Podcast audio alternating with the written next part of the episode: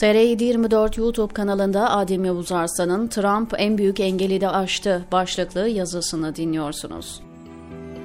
Sadece Amerika'nın değil, dünyanın gözü dün Washington DC'deydi. Amerikan Yüksek Mahkemesi Donald Trump'ın kaderini belirleyecek olan davayı görüştü. Tarihi oturuma ve detaylarına geleceğim ancak son iki yıldır Türkiye kamuoyunu meşgul eden F-16 alım sürecine dair son dakika gelişmelerini özetleyeyim.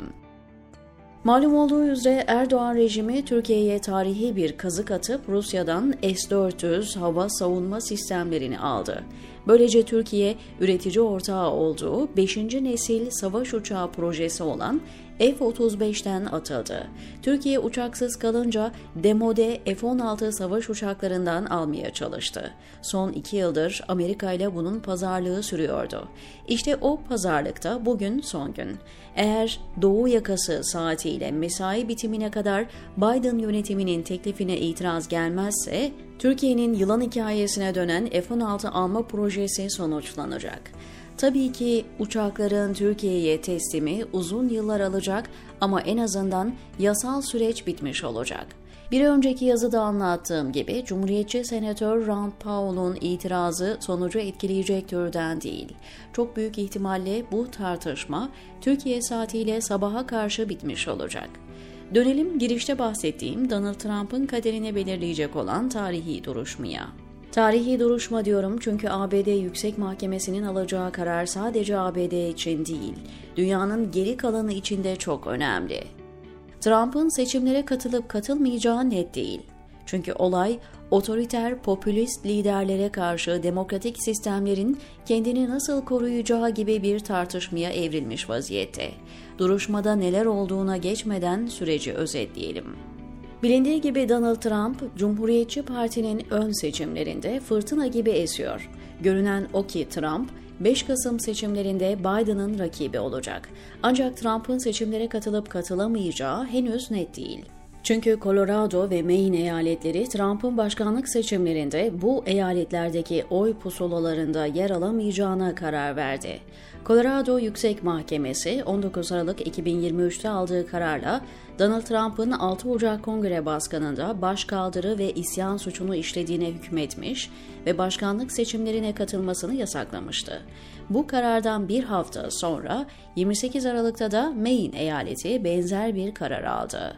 Trump 3 Ocak'ta konuyu ABD Yüksek Mahkemesi'ne taşıdı. Çoğunluğunu Trump'ın atadığı yüksek yargıçlardan oluşan mahkeme konuyu gündemine aldı. Bu dava ile birlikte ABD Yüksek Mahkemesi tarihinde ilk kez isyana karışan kişilerin kamu görevlerinde bulunmasını yasaklayan ABD Anayasası'nın 14. maddesini görüşmüş olacak. İşte dün gün boyu ABD'nin bir numaralı gündemi olan duruşmanın böyle bir geçmişi var. ABD Yüksek Mahkemesi 9 yargıçtan oluşuyor ve 6 üye muhafazakar kanattan gelme. Yani Trump'a yakın bir heyet var. Ancak bu durum sizi yanıltmasın. Çünkü ABD Yüksek Mahkemesi yargıçları saygın kişiler ve hukuka bağlılık konusunda çok netler. Yani Türkiye'deki gibi siyasetin köpeği olan bir yargı düzeni yok ABD'de. Nitekim Trump'ın atadığı yargıçlar bugüne kadar Trump aleyhine defalarca kararlar aldılar.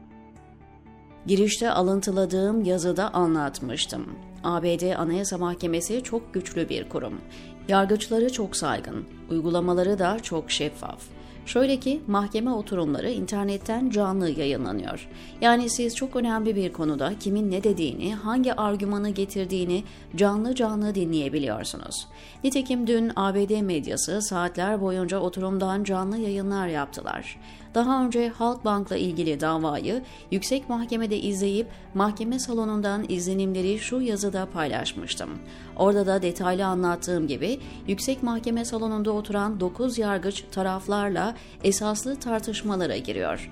Meselenin ruhu, felsefesi ve neden olabileceği komplikasyonlar enine boyuna tartışılıyor. Bu haliyle mahkeme salonundan çok entelektüel tartışmaların yapıldığı bir üniversite kürsüsüne benziyor.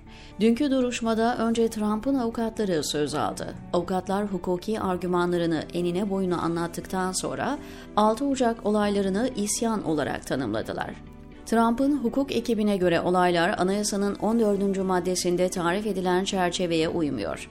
Colorado eyaletinin avukatları ise eyalet mahkemesinin aldığı kararın neden doğru olduğuna dair argümanlarını sıraladılar. Colorado'nun avukatları temel olarak eyaletin kullandığı yetkinin demokrasiyi korumak için bir nevi emniyet sübabı olduğunu iddia ediyorlar. Mahkeme gün boyu sürdü ve yargıçlar taraflara esaslı sorular yönelttiler. Karar Trump lehine çıkabilir. Salonun havasına bakarak şunu söylemek mümkün. Yüksek yargıçlar Colorado'nun argümanlarına şüpheyle yaklaşıyorlar. Bir başka ifadeyle Trump lehine karar çıkması kuvvetle muhtemel. Eğer karar Colorado lehine çıkarsa başka eyaletlerde bu yönde kararlar alabilir ve işler iyice karışır. ABD'li önde gelen analistlere göre yüksek mahkeme başkanı belirleyecek bir konumda olmak istemiyor. Nitekim 2000 yılı başkanlık seçiminde son sözü yüksek mahkeme söylemişti. Bu yüzden yüksek mahkeme yıllardır siyasallaşma tartışmalarının ortasında duruyor. Açıkçası mahkemenin Trump aleyhine bir karar alıp siyasi polemiklerin merkezine oturması beklenmiyor. Gelelim dünyanın gösterdiği ilginin kaynağına. Sonuçta ABD seçimleri dünyanın tamamını ilgilendiriyor. Beyaz Saray'da kimin oturduğu herkesin meselesi. Hele ki adaylardan birisi Donald Trump'sa. İlk döneminde neler yaptığı da hatırlanınca herkes kendi ülkesindeki seçimlerden çok ABD seçimlerine bakıyor dersek abartı olmaz. Dünkü oturumların felsefi yönü ise daha derin. Soru şu, popülist otoriter liderler meşru yöntemlerle iktidara gelir ve hukuku askıya alırsa ne olacak? Böyle bir ihtimale karşı sistem kendini korumak için bir takım bariyerler koyabilir mi? ABD Yüksek Mahkemesi'nin dünkü oturumunun özü de aslında buydu.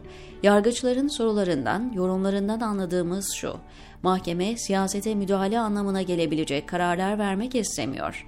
Yani karar Trump lehine gelecek gibi. Denebilir ki Donald Trump dün itibariyle başkanlık yolundaki en büyük engeli de aşmış oldu. Trump zaten ciddi bir rüzgar yakalamıştı. Yüksek Mahkemeden lehine gelecek bir kararla daha da güçlenecek. Öte yandan rakibi Biden ise zor günler geçiriyor. Nitekim ilerleyen yaşı ve sık sık gaf yapması destekçilerini bile düşündürüyor. Başkan Biden dün akşam kameraların karşısına geçip hafızam iyi dedi ama demokratlar bile ikna olmuş değil. Her yönüyle enteresan bir kampanya dönemine şahit olacağız, diyor Adem'i Uzarsan TR724'deki köşesinde.